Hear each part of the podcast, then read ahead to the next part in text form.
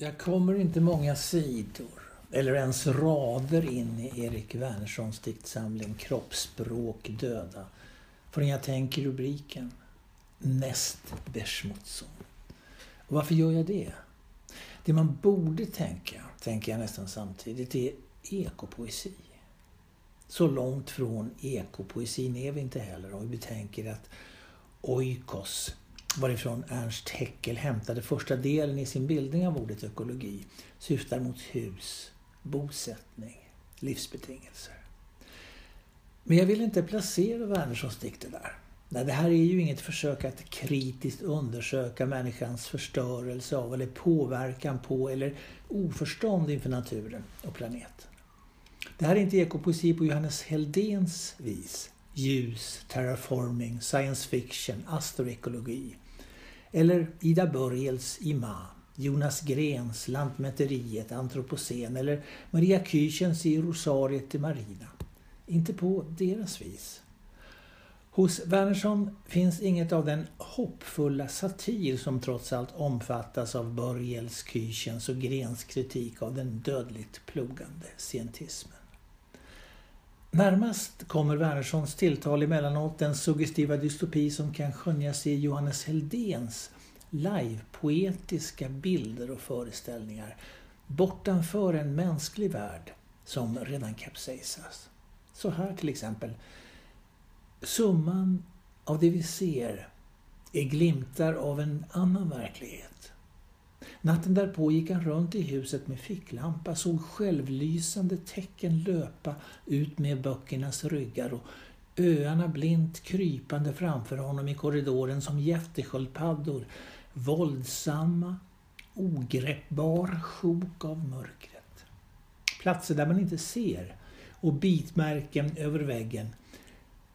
Men medan jag skriver det här så har det börjat ljusna ute ur science fiction från 2010.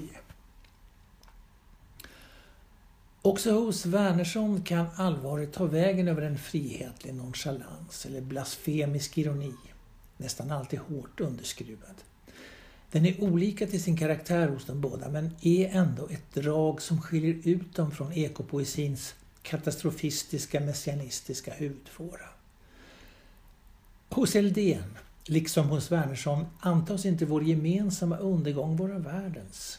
Och därför blir jag så oändligt ensam i det pseudoapokalyptiska rummet. Det blir inget Ragnarök med återfödelse eller gudsrike. Det finns helt enkelt ingen tanke som omfattar både oss och det där andra, det som blir kvar, eftervärlden. Eller rättare sagt, Heldén vägrar tänka den tanken. Allt sånt, det var bara påhitt ur ljus 2013.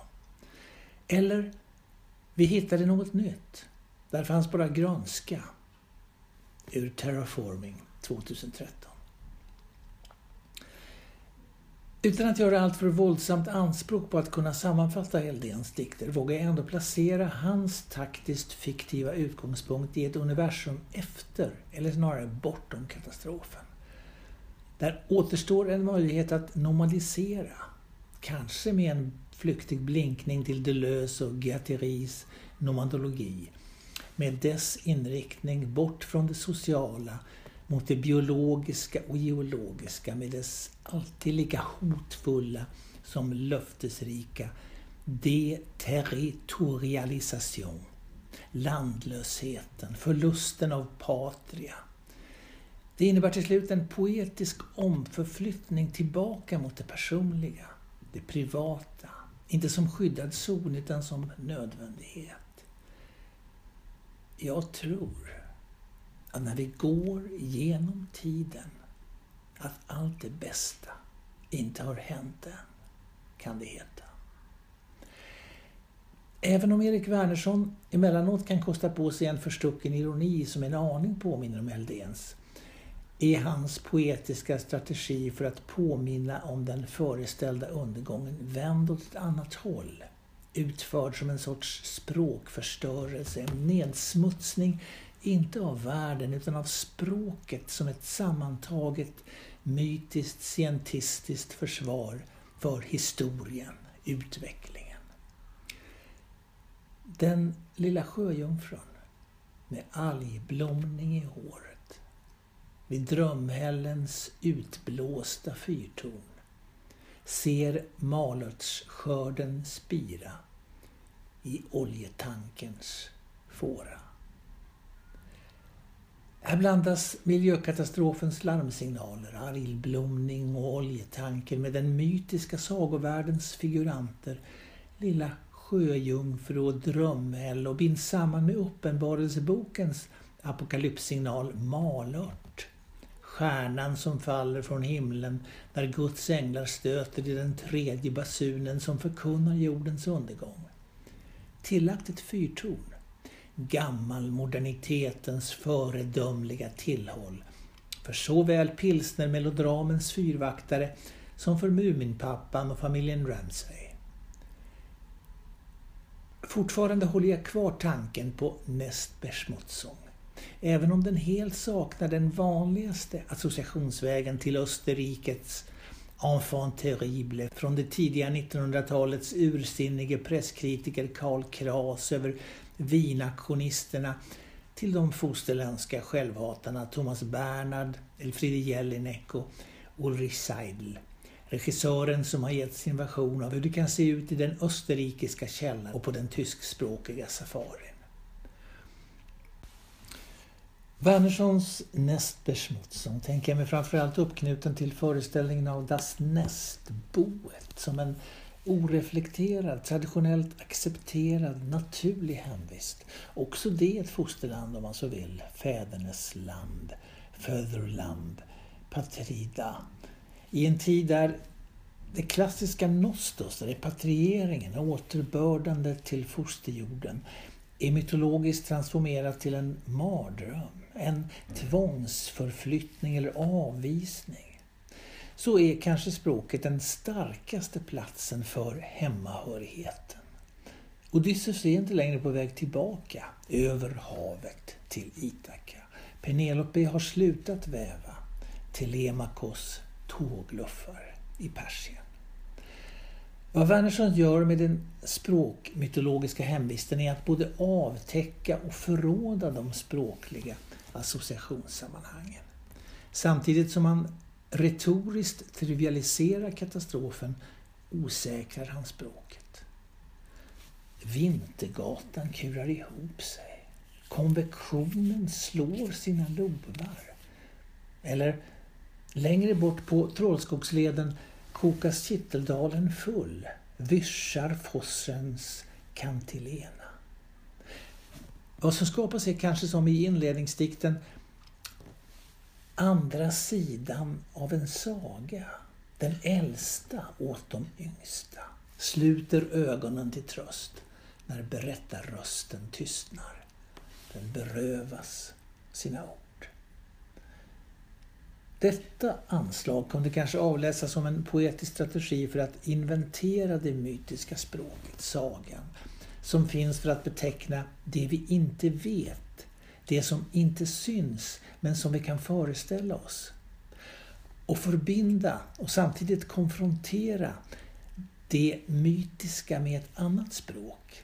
Ett som beskriver det vi inte heller kan se men ändå veta. Vetenskaplighetens verba. Båda språken på sätt och vis lika främmande och farliga. Två olika modi för att behärska världen.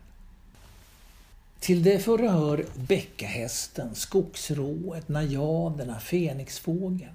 Till det senare hör konvektionen, blodsocker, spektralklasserna, gammastrålning. Och mellan de mer strikt ämnesmässigt åtskilda ordsvärmarna grupperas i en mer historiskt klingande sort som poetiskt mildrar den branta sammanfogningen.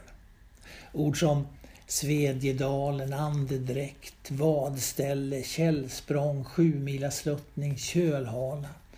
Tillsammans med uppdykande klassiskt antika stödord som hypostyl, pelarhelgon, kanelyrer plus en annan grupp allmänmoderna vardagsord som masstillverkat, trygghetsnätet, tidslinjen, lyftkranar och busshållplatser så förstärks ytterligare upplevelsen av historisk genomblåsning. Resultatet blir ofta en säreget nerskruvad uppenbarelse av ett språkligt universum där språkets historiska följaktlighet blir uttöjd, ifrågasatt och osäkrad. Som vid en tidsfördämning där bävermorden rätt sitt bo pålar Kungsvattnet i dur. Samtidigt återverkar det här förryckta sammanhanget på det enskilda ordets egen associationssfär. Och här blir till exempel ett flertydigt ord som Kungsvattnet avpreciserat. Det går inte längre att entydigt förbinda det med dess historiska betydelse som antingen fiskevatten tillhörigt kronan eller som beteckning för den mix av svavel och salpetersyra som ensam förmår lösa guld, metallernas konung. Det blir till en obekant, odefinierad sorts Royal Water som avger sin egen associativa musik. Ibland är förstås mixen mer otvetydigt absurd, som när fåren kastar sig mot stängslet, kommer inte ut ur hagen, frigående inomhus, plockar frukt och köper hem dem, stryker streckkoden mot skannen för att ta sig genom spärren. Det finns en ytterligare och kanske omedelbart tydligare effekt av Erik Wernerssons associationsfeta poetiska framställning och inte alls i bemärkelsen svulstig, pratig utan tvärtom som en koncis och återhållen uttrycksform. Dikternas panhistoriska karaktär skapar känslan av textuell neutralitet, vilket i sin tur befordrar en läsning som betonar den språkliga materialiteten och som avtäcker rytmen oftast den trokeiska lunken. Mer sällan ett rim, ett inrim eller en allitteration, men desto oftare tamta, tamta. Ror förbi en regnbågsbro med ett teleskop som åra under månens silverrund. Men ibland också ett försynt inrim Svavelgryn vid skogens bryn. Salamandens bärnstensöga lockar irrbloss med en solkatt. Ibland kan det till och med ta sig form av en liten vanlig dikt. Vågfunktionerna kollapsar. Där står ett slott som byggts av kvicksand. I fångtornet sitter prinsessan väver drömmar av stoff som drömmar inte vävs av. Det finns bokstavligen inget jag hos Wernersson. Ett dig har jag hittat. Och på sista sidan hittar vi ett vår. Och kanske är förutsättningen för att skriva en sån mytdestruktiv poesi att avstå från att visa sitt ansikte. Eller att låta bli att insistera på ett personligt tonfall. Eller någonsin sträva efter att underteckna med sin pregnanta signatur. Det faktum att Wernerssons poesi saknar ett formellt jag är långt ifrån detsamma som brist på egenart eller konstnärlig integritet. Möjligen kunde det vara ett exempel på en sorts arkeologisk poetik, det som Michel Foucault praktiserade i sin oläsligaste skrift skriven ända ner i de omöjligaste anspråken, vetandets arkeologi. Det är en poetik där människan uteslutande finns kvar i de spår hon lämnar efter sig. Sina byggnader, sina ruiner, sina monument, sina ord. Men vad handlar det då om? Frågar sig otålig romanläsare. Eller ska det bara vara krångligt eller är det inte krångligt för att det är krångligt? Klimatförändringen, miljökatastrofen, nedsmutsningen av haven, flyktingströmmarna, folkvandringarna, kärnvapenhoten, nationalismerna. Mats Svensson skrev apropå ekopoesi i en artikel för ett och ett halvt år sedan om det rimliga i en passiv förskräckelse inför åsynen av världens undergång. Och Helena Granström frågade sig i en artikel i december förra året om inte hoppet med dess implicita kristna halleluja-förhoppning förråder våra möjligheter till förändring. Och hon undrar om inte genuin förtvivlan vore mer produktiv. Gunnar Ekelöf väjde för hoppet när han översatte André Malraux roman L'Espoir, Hoppet, 1937. Han gjorde den till Förtvivla ej när han översatte den 1944. Mer än så är inte heller Erik Wernersson beredd att göra. Åtminstone inte i diktsamlingen Kroppsspråk döda. Den avslutas för övrigt med en postironisk replik på T.S. Eliots så ofta citerade This is the way the world ends, not with a bang, but a whimper. Wernerssons slutreplik ligger närmare Henry Paland i sitt dödsföraktande sinnelag. Uppenbarelseböcker filmatiseras. Framkallningsvätskan droppar i ett hav. Balkongdörren på glänt. När vår jordglob frostas av.